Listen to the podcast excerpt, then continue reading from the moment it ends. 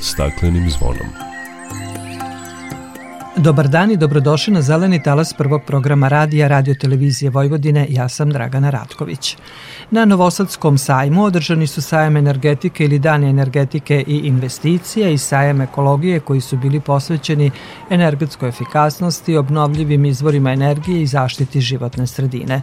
Govorit ćemo o povezanosti energetike i zaštite životne sredine, o Evropskom zelenom dogovoru i zelenoj agendi za Srbiju, kako će energetska kriza uticati na ostvarivanje zacrtanog cilja, to je klimatska neutralnost do 2050. godine, o zaštićenim područjima u Vojvodini u ovoj godini, danu otvorenih vrata koji je organizovao Resorni pokrajinski sekretarijat za zaštitu životne sredine, kao i ostalim dešavanjima na ovim sajamskim manifestacijama.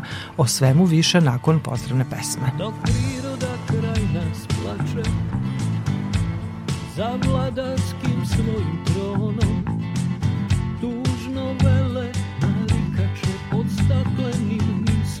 zvonom znaj vazduha više nema sve manje je i ozona. Protiv sebe ide čovek i to često bez pardona. Uništenju živog sveta kao da su ljudi skloni čovek sam je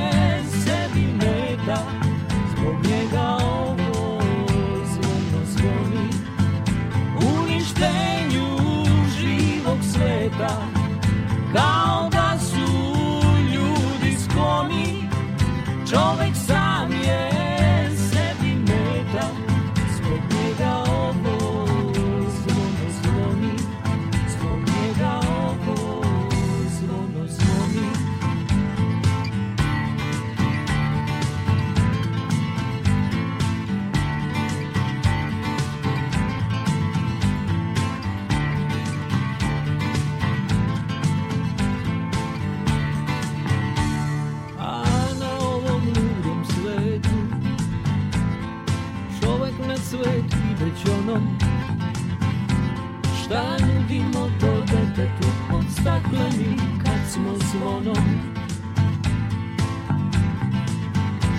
uništenju živog sveta kao da su ljudi skloni čovek sami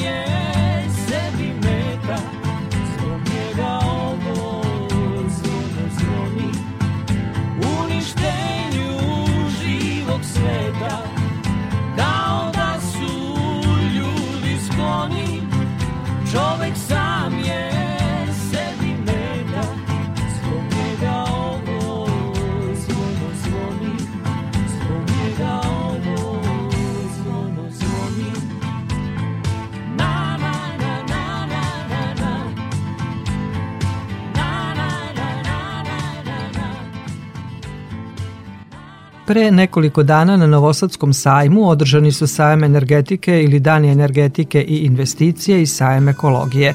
Održano je više stručnih skupova posvećenih energetskoj efikasnosti, obnovljivim izvorima energije i zaštiti životne sredine, kako je rečeno na otvaranju, oblastima i temama koje su danas usko povezane.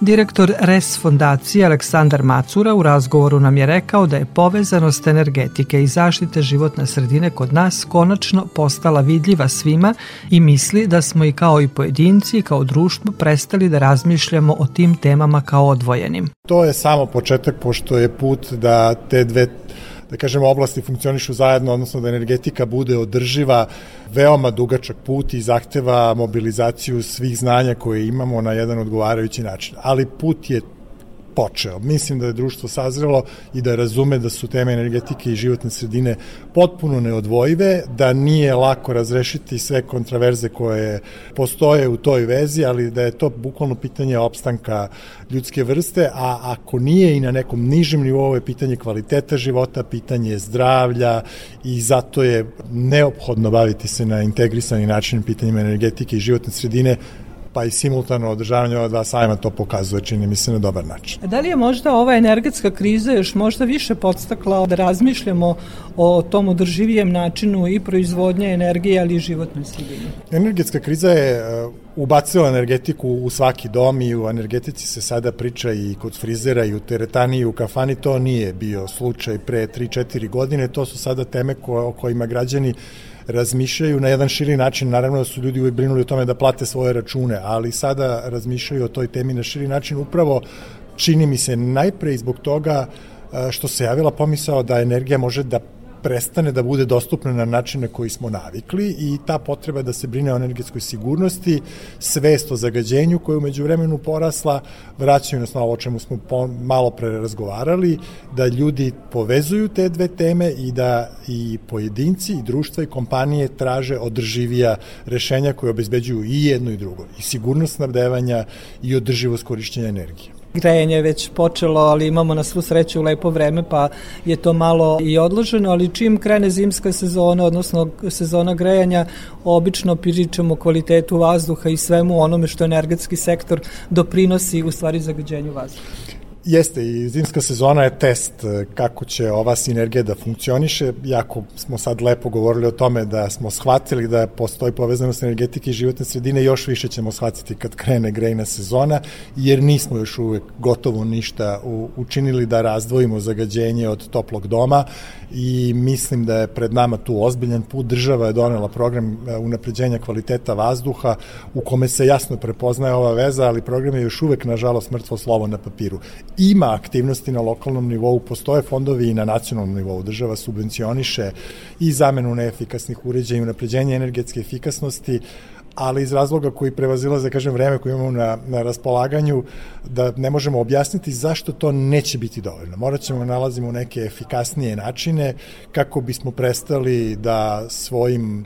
nastojanjima jeli, da obezbedimo topao dom, utičemo negativno na životnu sredinu i da trošimo prekomerne novac. Energetska efikasnost i čistije tehnologije prosto je odgovoriti na to pitanje, nije tako prosto kupiti odgovarajuću tehnologiju i e, instalirati je u, u svom e, domu, potrebno je onima koji to ne mogu pomoći. Svi ostali će morati svojih sredstava uz manju ili veću pomoć ili nikakvu pomoć države E, da to čine, to je isplativo i ja se nadam da ćemo u godinama koje dolaze videti kako je to isplativo za sve nas. Pomenuli smo i grejnu sezonu, znamo da zbog našeg energetskog siromaštva koristimo razne vrste e, ogreva koji doprinose u stvari zagađenju vazduha. Kako to prevazići?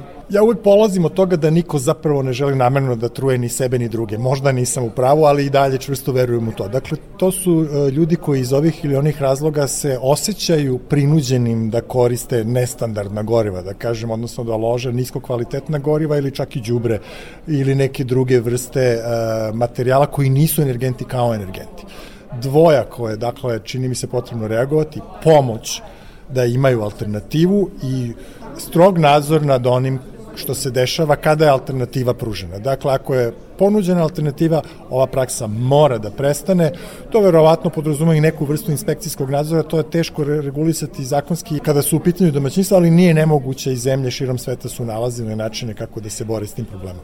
Pomoć i zabrane, to su dva mehanizma e, i tu nema mesta populizmu i nema mesta udvaranju e, ljudima koji čine štetu sebi i drugima, mora im se omogućiti da to ne rade, a kada se omogući, mora im se zabraniti da to rade.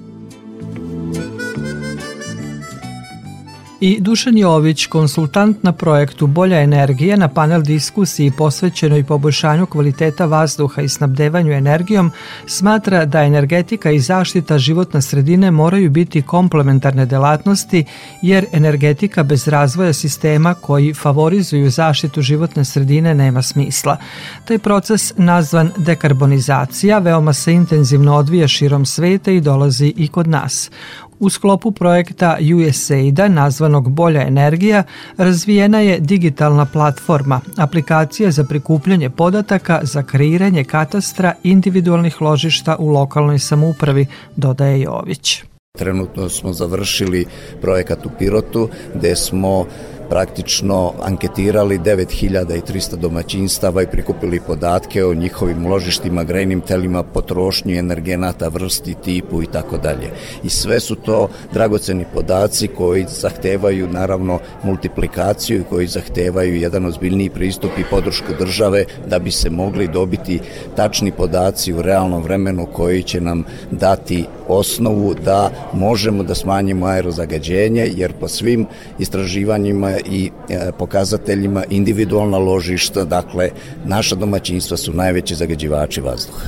Spomenuli ste Pirot kao pilot projekat e, na kojem ste radili. Koje bi lokalne samuprave ili koja je sledeća lokalna samuprava gde bi mogli da primenite? Aplikacija može da se primeni u bilo kojoj lokalnoj samoupravi ili upravi i naša želja jeste da kroz e, pilot primer uradimo sve moguće potrebne analize koje su e, proizašle iz prikupljanja podataka i da pokažemo lokalnim e, upravama da mogu dobiti dragocene podatke koji će im biti argument u kasnijim zahtevima i aktivnostima vezanim za smanjenje aerozagađenja. Da li su lokalne samuprave zainteresovane? Pa vidite kako, mi ćemo sa Ministarstvom energetike imati jednu kampanju 10 gradova sa najvećim aerozagađenjem gde ćemo predstaviti ovu našu aplikaciju i projekat koji je urađen u Pirotu kao pilot i nadamo se da će to proizvesti na neki način veću zainteresovanost u lokalnim samoupravama da se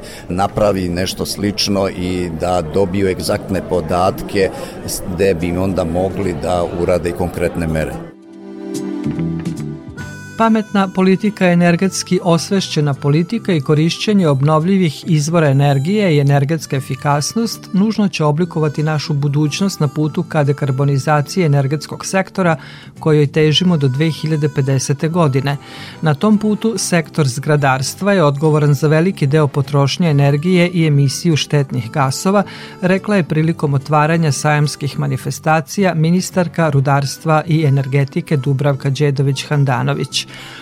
Ona je podsjetila da se Srbija obavezala da smanji emisiju štetnih gasova za 40% do 2030. godine u odnosu na 1991. godinu i dodala da su postavljeni ciljevi u integrisanom nacionalnom energetskom i klimatskom planu da do 2030. godine energetski rehabilitujemo godišnje oko 1% zgrada za stanovanje, 3% javnih zgrada i oko 2,3% ostalih zgrada. Članica gradskog veća Mira Radenović i direktorka USAID-ovog projekta Bolja energija Lena Bratić potpisale su sporazum o saradnji.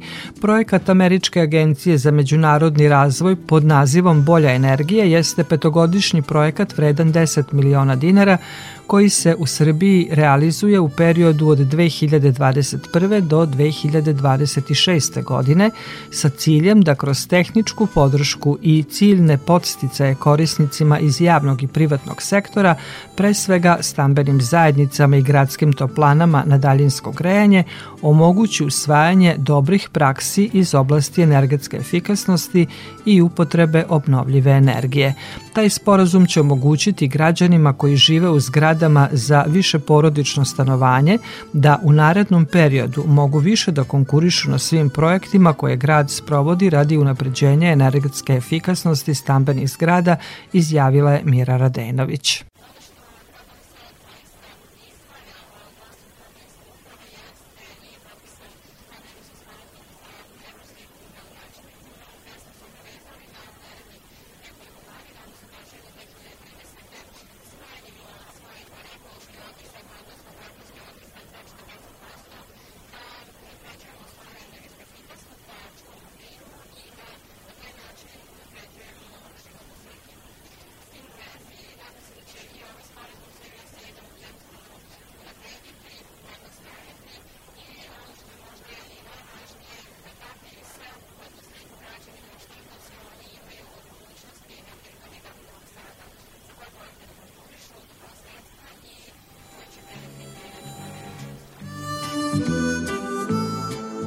Prema rečima direktorke projekta Bolja energija Lene Bratić, komunikacija između grada i građana jedan je od najbitnijih segmenata ubrzanja procesa energetske tranzicije.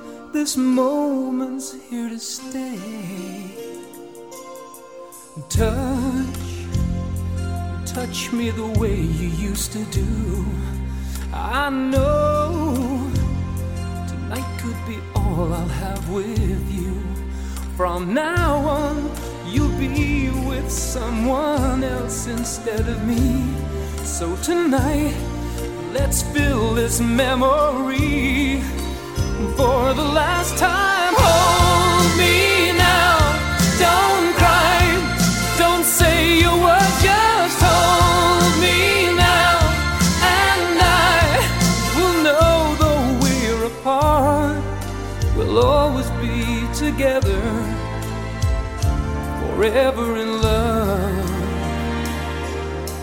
What do you say when words are not enough?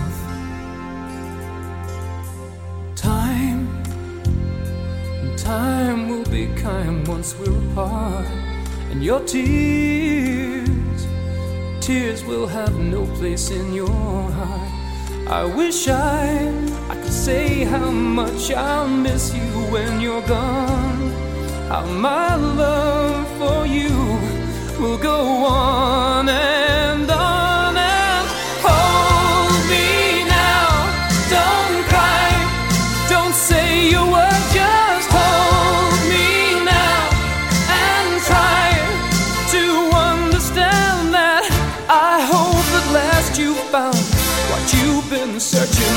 And though I won't be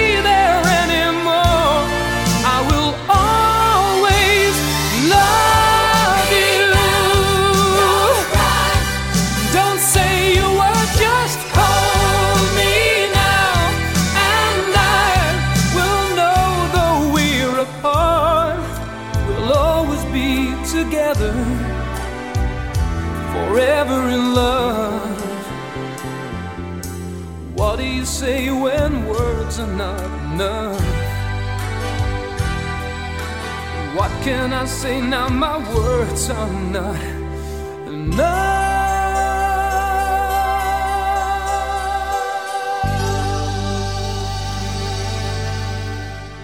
Slušate emisiju pod staklenim zvonom. U okviru Evropske nedelje zelene diplomatije na sajmu ekologije održan je infopanel o Evropskom zelenom dogovoru i zelenoj agendi za Srbiju koji je organizovala Novosadska kancelarija EU Infopoint. Tema Nedelje zelene diplomatije bila je globalna pravedna energetska tranzicija u skladu sa principima Parijskog sporazuma. Evropski zeleni dogovor čini strategiju održivog razvoja Evropske unije za 21. vek. Centralni problem kojim se bavi ta strategija su životna sredina i klimatske promene.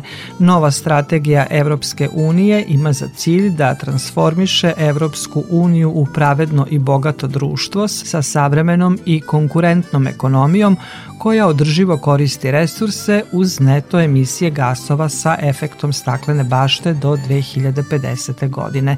Glavni cilj koji Evropski zeleni dogovor definiše odnosi se na emisije gasova sa efektom staklene bašte i u tom smislu evropska klimatska ambicija je do 2030.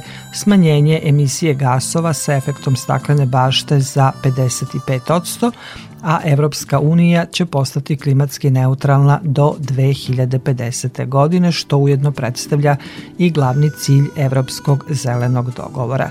Srbija nije članica Evropske unije, ali ovaj okvir se tiče i nas.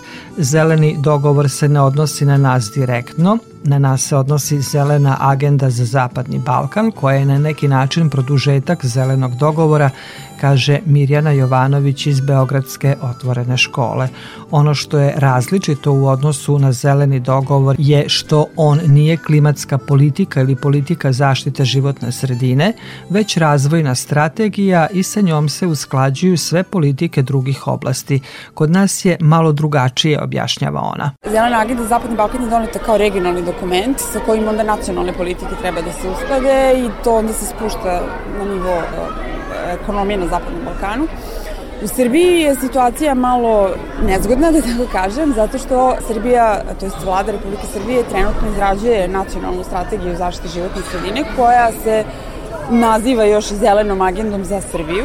Dakle, to nije centralna razvojna strategija Srbije, to je samo krovna politika u oblasti zaštite životne sredine, što je već u startu nepovoljnija pozicija u odnosu na zeleni dogovor, zato što Dakle, postoje druge strategije i programi i planovi javne politike koje će imati e, višu hjerarkijsku e, moć, da tako kažem, da će višu hjerarhiju javne politike i trebalo bi da se sve sektorske politike usklade sa e, tom strategijom kako bismo mi dostigli tih pet e, stubova zelene agende i da li će to biti, to ćemo videti. Dakle, zelena agenda ima pet stubova, prvi se odnosi na dekarbonizaciju, odnosno klimatske promene, tu se nalazi i obnovljivi izvore energije i tako dalje.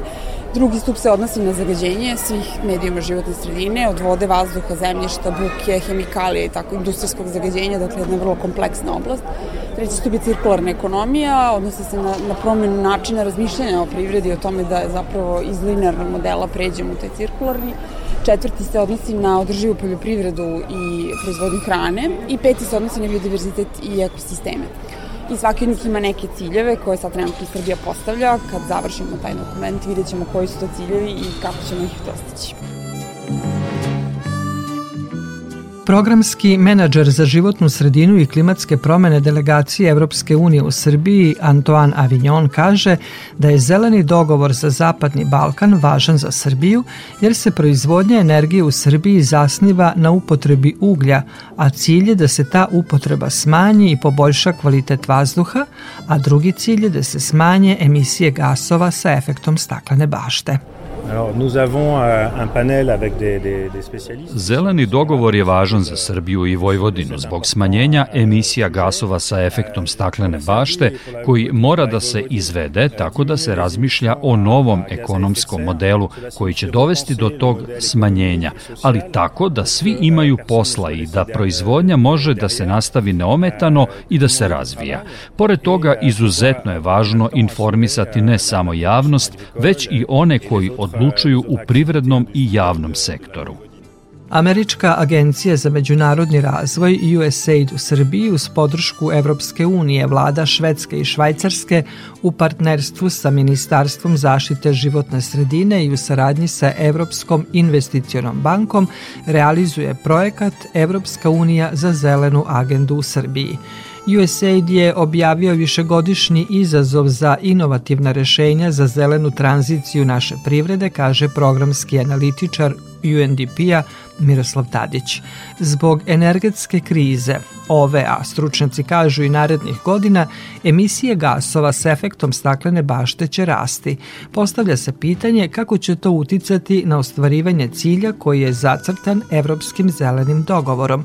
Miroslav Tadić kaže koliko god je trenutna situacija izazovna zbog energetske krize i sukoba širom sveta, energetska kriza treba da nam bude još jedna poruka jer dosadašnji modeli proizvodnje i potrošnje nisu održivi. Šta god da se desi, nama je jasan signal da su fosilna goriva zapravo postaju sve nedostupnija, da postaju sve skuplja, kako ih ima sve manje, jel? Dakle, tehnologije koje su bazirane na fosilnim gorivama više nisu opcija razvoja. Srbija je država kandidat za članstvo u Evropskoj uniji, na, na, Evropska unija je naše najveće izvozno tržište, naši najveći privredni partneri se nalaze na teritoriji Evropske unije, tako da jasna poruka privredi da je prosto usklađivanje sa tekovinama Evropske unije i sa onome što se tamo dešava neminovnost, a to prvenstveno znači odvajanje od fosilnih goriva, korišćenje obnovljivih izvora energije i veća energetska efikasnost. Energetska efikasnost je nešto što nam je relativno lako dostupno. Srbija se uhvatila u koštac sa tim i radimo na, na unapređenju energetske efikasnosti u javnom sektoru, javnim zgradama i UNDP u saradnji pomaže vladi zapravo da unapredi trenutno radimo sa nekih 28 zgrada ovaj, u nadležnosti centralne vlasti, pokušamo da ih dakle transformišemo, da budu veoma energetski efikasne, samim tim da uštede ovaj, energiju, ali i uštede naravno novac u smislu računa za, za energiju, dakle kako za glađenje, tako i, i električnu energiju.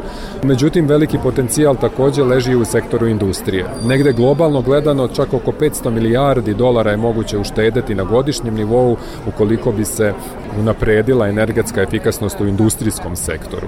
U Srbiji takođe, to je jedno veliko područje gde možemo da, da delujemo i kroz zelenu agendu, ali isto tako i, ja, i privatni sektor gde, gde mislim da, da postoji mogućnost da građani apsolutno takođe e, rade na unapređenju energetske efikasnosti domaćinstava. Naravno, za to su potrebne i određene šeme podrške od strane države, e, to već negde postoji, ali na svesti građana takođe potrebno dosta raditi da bi se, kažem, i, i u tom smislu stvari pomerile na bolje. Dakle, UNDP kroz zelenu agendu u Srbiji da, zaista pruža podršku svim akterima u društvu da dođu i do tehničke podrške i do finansijskih sredstava za mere koje se odnose naravno i u napređenje energetske efikasnosti u korišćenju obnovljivih izvora energije, tako da je to jedan mali doprinos tim naporima. Ambasada Francuske na štandu Novosadske kancelarije EU Infopoint predstavila projekte Eko opština, konkurs Zelena škola i projekat Karavan za klimu koji je osmislio i razvio Francuski institut u Srbiji u partnerstvu sa Centrom za promociju nauke i uz podršku delegacije Evropske unije u Srbiji i kancelarije UNDP-a. Reč je o četvrtom karavanu za klimu, putujućoj izložbi koja je posvećena vodi i klimatskim promenama, kaže za našu emisiju volonterka u Francuskom institutu u Novom Sadu Emilija Šarović. Izložba zapravo predstavlja dve strane ekologije, a to je na koje sve načine čovek troši vodu i na koje sve načine čovek može da uštedi istu tu vodu.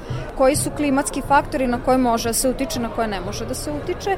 Isto tako, sa druge strane, da kažem novčića, jedna velika čovekova negativna zaostavština što se tiče velikog broja smeća, ostataka koji sve ostaju u okeanima, koji se ne razgrađuju, koji samim tim direktno utiče na živi svet, na okolinu, a naravno i na otapanje lednika, koje nam je zapravo jako važno zato što mi iz lednika zapravo crpimo sve naše izvore vode. Oni s vremenom postaju sve manji i manji i tako zapravo ugrožavamo nas nesvesno, to jest zapravo svesno, zato što svima se nama priča o tome, niko neće to da uvaži i tako dalje, ali mi smo direktno odgovorni za to. Možemo dosta stvari da učinimo samo ako bi svaki čovek malo bar koraka preduzeo da štedi i da se ponaša zapravo onako kako bi smo normalno, znači da ne bacamo smeće, da ne teče voda onoliko koliko mora da teče, ali ne sad preterano, mogli bismo jako da doprinesemo zapravo usporenju otapanja tih lednika i dugoročno bi naša zemlja bila bolja. Gde je sve ovaj karavan za klimu bio? On obilazi mesta po Srbiji? U celoj Srbiji je bila ta izložba, konkretno u Novom Sadu je bila prvo u prostorijama Francuskog instituta, a sada se nalazi na Novosadskom sajmu. Heaven is closer now today The sound is in my ears I can't believe the things you say They echo what I feel Twisting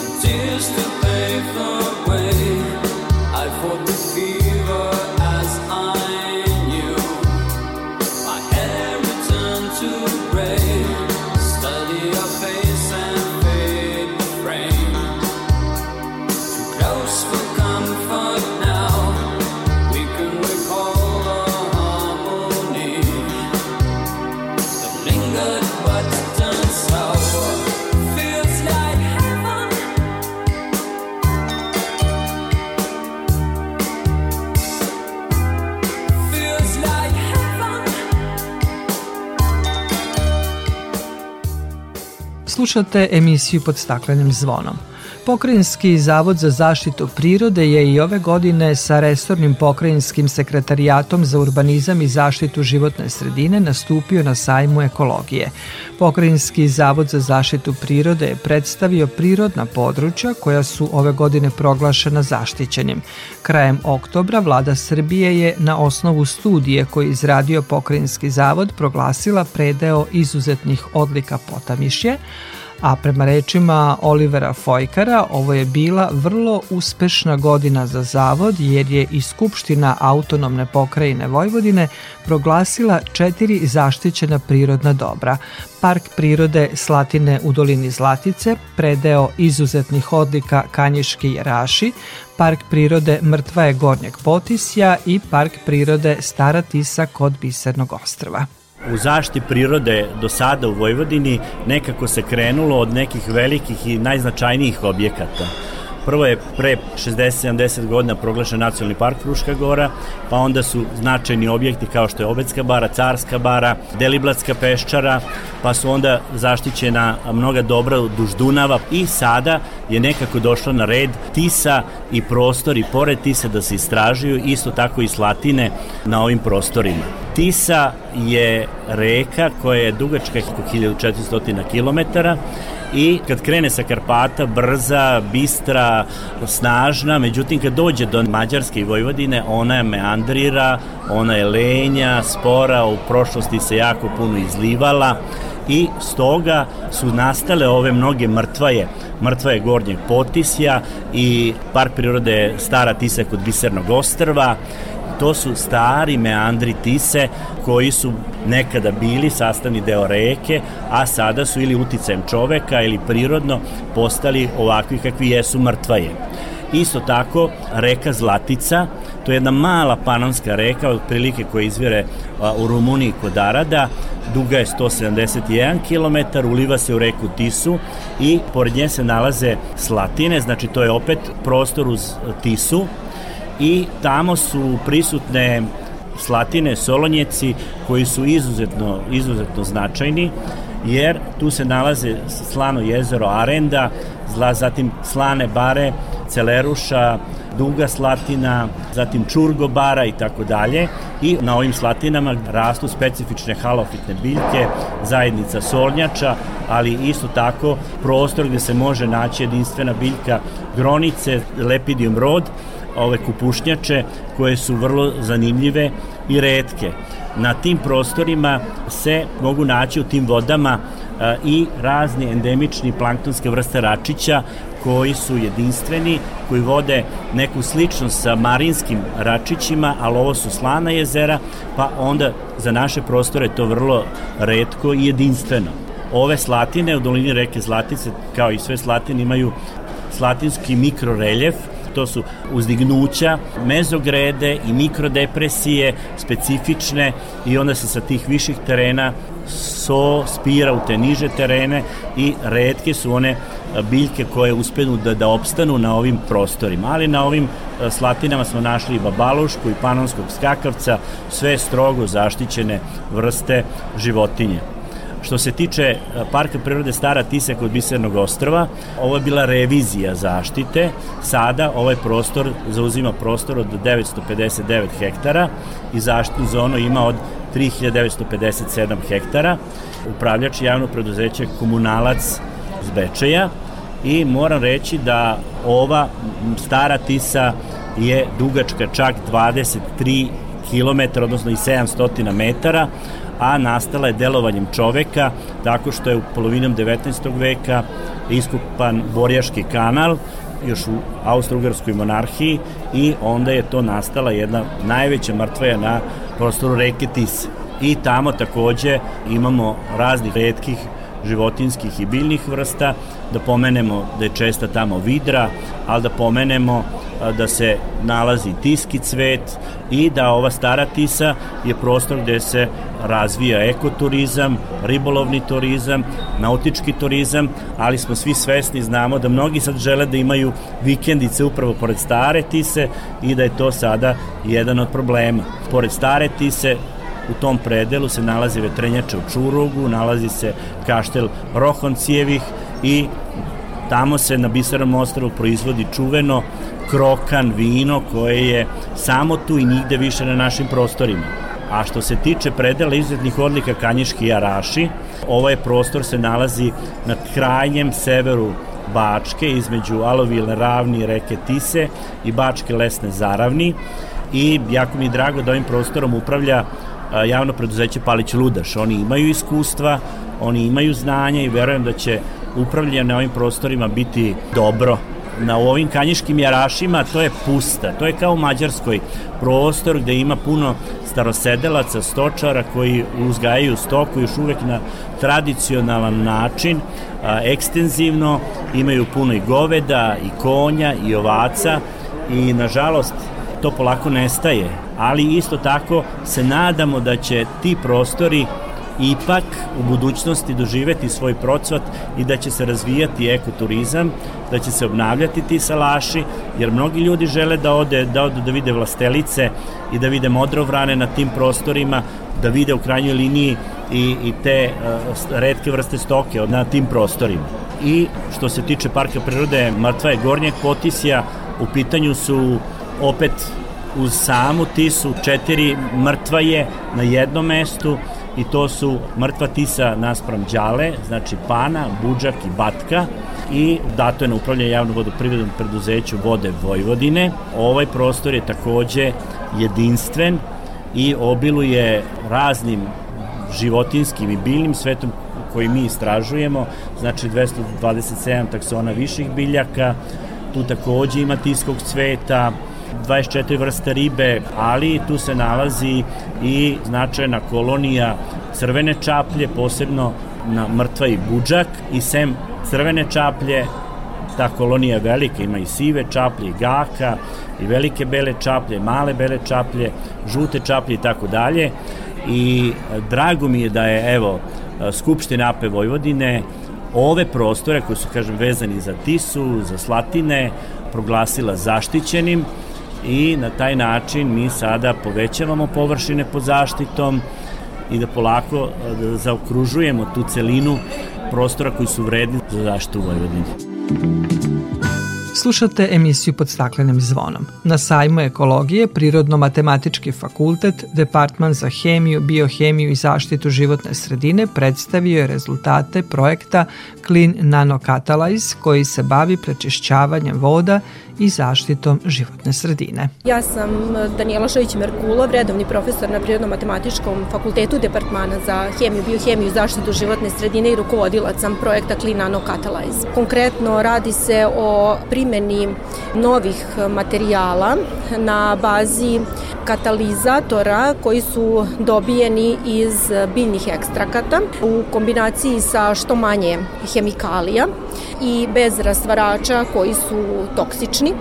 Dakle, primenjeni su u cilju uklanjanja organskih polutanata e, kao što su pesticidi, farmaceutici i mikotoksini iz vodene sredine. U okviru ovog projekta mi smo došli do, do zadovoljavajućih rezultata jer su katalizatori pokazali odličnu aktivnost u prisustvu sunčeve svetlosti uklanjamo organske polutante do ugljen dioksida vode i mineralnih materija.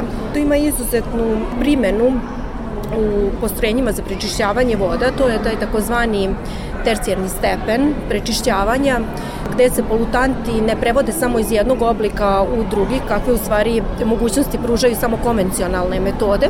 Ovde se, dakle, kao što sam napomenula, u potpunost mineralizuju organska jedinjenja e, i uklanjaju e, dakle, iz životne sredine. Ja sam Vesna Despotović, varedni profesor na Departmanu za hemiju, biohemiju i zaštitu životne sredine na Matematičkom fakultetu. Čuli smo da ste postigli zadovoljavajuće rezultate. Kada bi mogli da očekujemo neku konkretnu primjenu? Konkretnu primjenu u principu očekujemo sad u ovoj trećoj godini, pošto smo mi zapravo negde prvu, drugu godinu iskoristili za neka preliminarna ispitivanja i evo imali smo prilike na ovom sajmu da se malo ovaj, izreklamiramo. Usput e, sa kolegama sa Biosensa smo imali dosta lepu saradnju.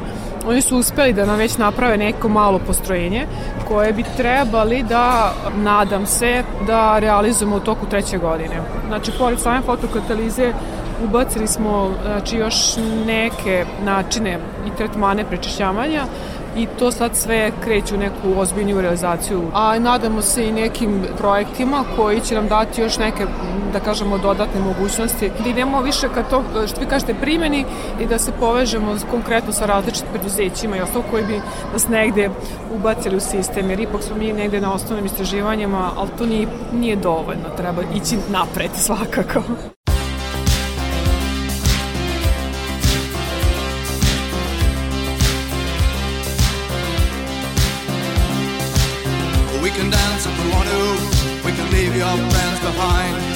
Cause your friends don't dance, and if they don't dance, well, they're no friends of mine.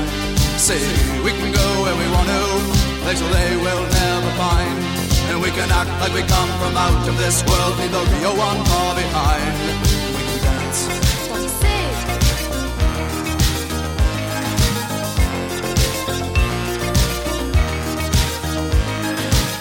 We can go if we want to. Night is young and so am I. And we can dress real neat from our hearts to our feet and surprise them with a victory cry.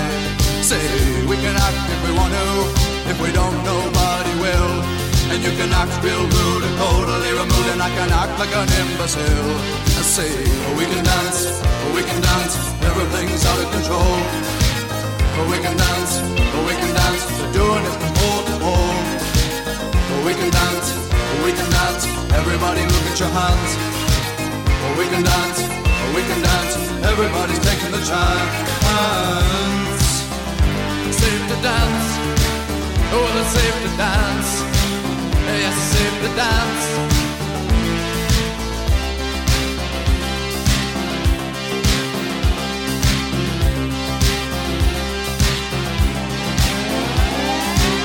We can dance if we want to. We've got all your. As we abuse it, never gonna lose it. Everything will work out right. I say we can dance if we want to. We can leave your friends behind. Because your friends don't dance, and if they don't dance, well, they're no friends of mine. I say we can dance, we can dance. Everything's out of control. But we can dance, we can dance. We're doing it from pole to pole. But we can dance, we can dance. Everybody look at your hands. We can dance, we can dance. Everybody's taking a chance. Well, it's safe to dance. Yes, it's safe to dance. Well, it's safe to dance. Well, it's safe to dance. Yes, it's safe to dance. It's safe to dance. Yeah. Well, it's safe to dance. It's safe to dance. Oh, it's a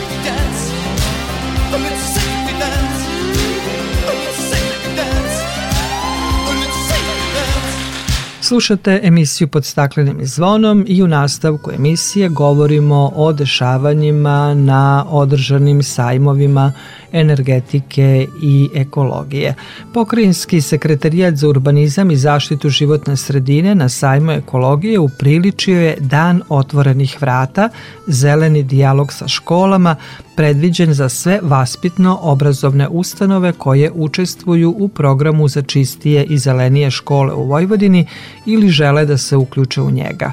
Odziv škola i učenika bio je velik i to samo govori koliko učesnici programa žele da razmenimo mišljenja oko budućih aktivnosti, izjavila je podsekretarka u resornom sekretarijatu Brankica Tabak. Tako je i osmišljen Dan otvorenih vrata jer njihove aktivnosti, određeni manji projekti kojima se bave kroz trajanje ovog javnog poziva podrazumevaju da na svom lokalu, u svojim gradovima, opštinama, manjim mesnim zajednicama imaju saradnju i sa institucijom, ali i sa civilstvom. Mi u tom smislu možemo da im pružimo i tekakvu podršku, sa druge strane cilj nam je da uputimo jedne precizne sugestije i preporuke jedinicama lokalnih samouprava na koji način bi oni mogli da doprinesu najpre time što će biti upućeni koje su vaspitno obrazovne ustanove sa njihovih teritorija opštine i gradova priključene ovom pokrajinskom projektu da nekako uvaže preporuku pokrajinskog sekretarijata za urbanizam i zaštitu životne sredine i da timski delujemo.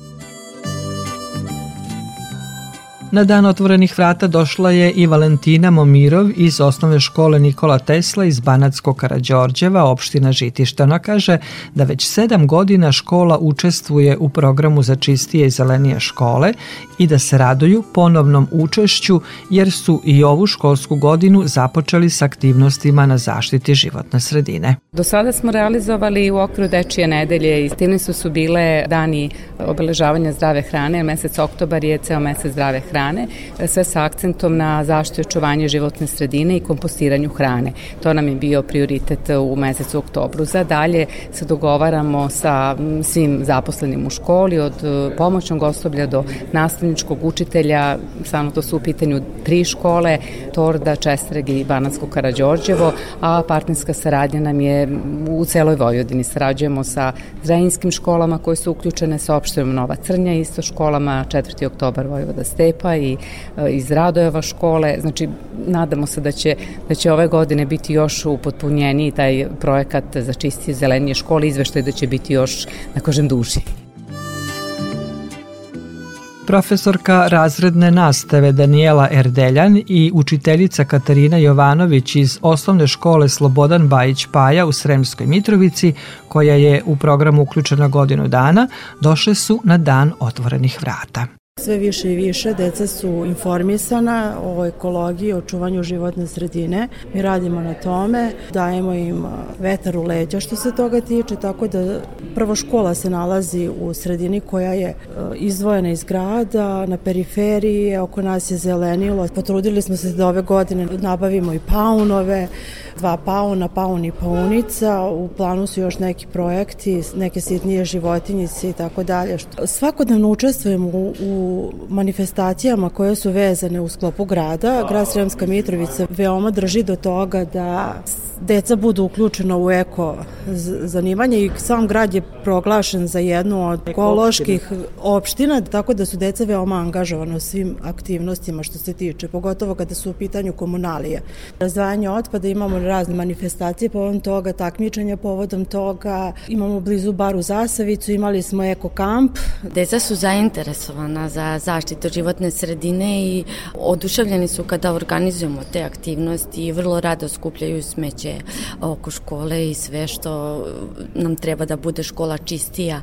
A s tim da i naš direktor je dosta uradio da postavi kante na određeno mesto, da kante budu lepe, da svaka kanta bude druge boje, da im bude dostupno, klupice imamo lepe, sve ofarbano u razne boje, da njima bude zanimljivo i tako kada se organizuje sa njima neka aktivnost, bude im naravno zanimljivije zato što je prilagođeno dečijim interesovanjem. Slušate emisiju pod staklenim zvonom. U cilju ukazivanja mladima na značaj i neophodnost izbora alternativnih vidova transporta, grad Novi Sad u saradnji sa odgovornim kompanijama je na sajmu ekologije treću godinu za redom nagradio najbolje učenike biciklima. U protekle dve godine novosadskim učenicima dodeljeno je 114 bicikala. Sa preko 40.000 aktivnih biciklista i 140 km biciklističkih saobraćajnica, Novi Sad postaje pravi biciklistički grad i, kako kažu nadležni, nastavit će da unapređuju i šire biciklističku infrastrukturu u gradu. Kako je u zaštiti životne sredine veoma važna edukacija i ove godine na sajmu učestvovalo je udruženje Čepom do osmeha. Oko hiljadu mališana posetilo je taj štand. Njihov cilj je da kroz razne radionice podižu svest kod najmlađih o primarnoj separaciji otpada, izjavila je predsednica udruženja Vanja Petković u razgovoru sa Vladom Matijevićem. Kroz razne delove radionica učimo ih koliko je važna primarna separacija otpada, kako da recikliraju, kako da razdvajaju otpad, šta je tu važno, kako oni sami kao pojedinci te kako mogu da doprinesu zaštiti životne sredine i da je unaprede svojim delovanjem. Tako da ovaj, oni su vrlo zainteresovani, mi zaista smo sigurni da nekako tom edukacijom i nekako ličnim primerima koji oni vide i kroz našu prezentaciju na koji način sve može da se zaštiti planeta i oni zaista to jako oberučke prihvataju i odlaze zaista s nekim znanjem koje im se nekako usadi u, njih da kasnije primenjuju to što su kod nas naučili i stekli. Jako je važno da tu i širimo empatiju i solidarnost prema osobama sa invaliditetom, jer naravno čepom do osmeha se i, i prvenstveno i pokrenuta na taj način što su se sakupljali čepovi i dan danas se naravno sakupljaju, prodaju se reciklažnom centru i kupuju se pomagala za decu sa smetnjama u razvoju.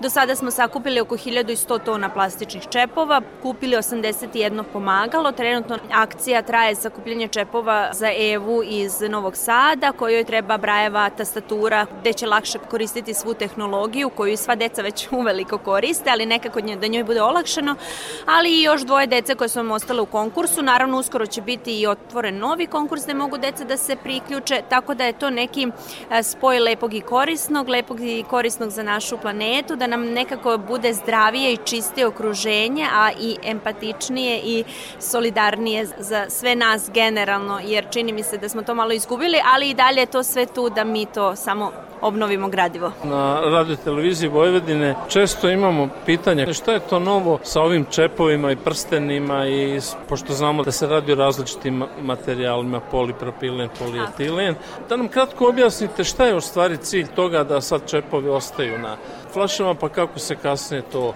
razdvaja. Taj čep je samo jedan pokretač i cela ideja je bila, jer sam ja kao diplomirani ekolog želela da, želela da proširim tu svest o zaštiti životne sredine, a novo pakovanje i nova ambalaža gde su spojeni čepovi je jedna dobra stvar. Mislim, ja i dalje pozivam građane sve da odvajaju čepove, što bi svi rekli, mi i dalje odvajamo i kidamo i ovaj, odvajamo čepove i dalje pozivam da se, da se to radi, ali ovaj, to je jedna dobra stvar, zato što na taj način smanjujemo raširivanje plastike u životnoj sredini, na taj način uvodimo neku priču ka depozitnom sistemu i mislim da je ta direktiva dobra i da će se na taj način smanjiti rasprašivanje plastike i nekako se gleda da se ta flaša u depozitnom sistemu za one građane koji ne znaju. Svi su verovatno upoznati da u inostranstvu imamo te velike reciklomate koji prihvataju ambalažu i na taj način imaju neke benefite građani prilikom reciklaže, tako taj neki sistem se zagovara i kod nas i ovo je jedan korak ka tome da ne dođe do rasprašivanja plastike, tako da smatram da je to zaista dobro, a naravno još uvek dok se ne uvede depozitni sistem pozivam građane da i dalje odvajaju čepove.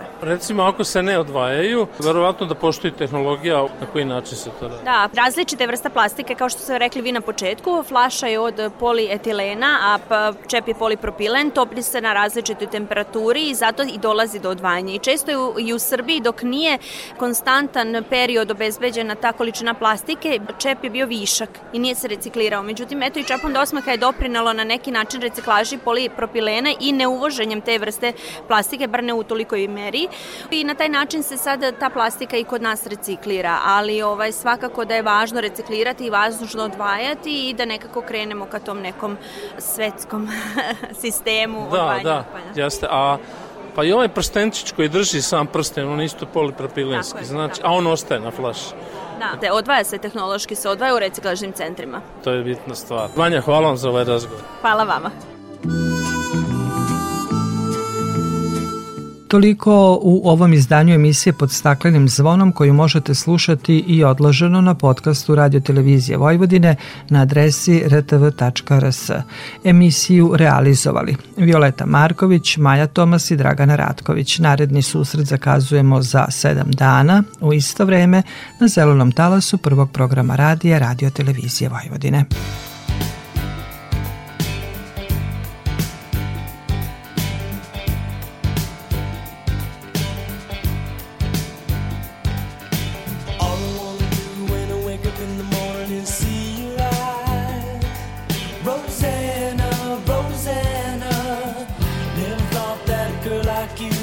Care for me, Roseanne.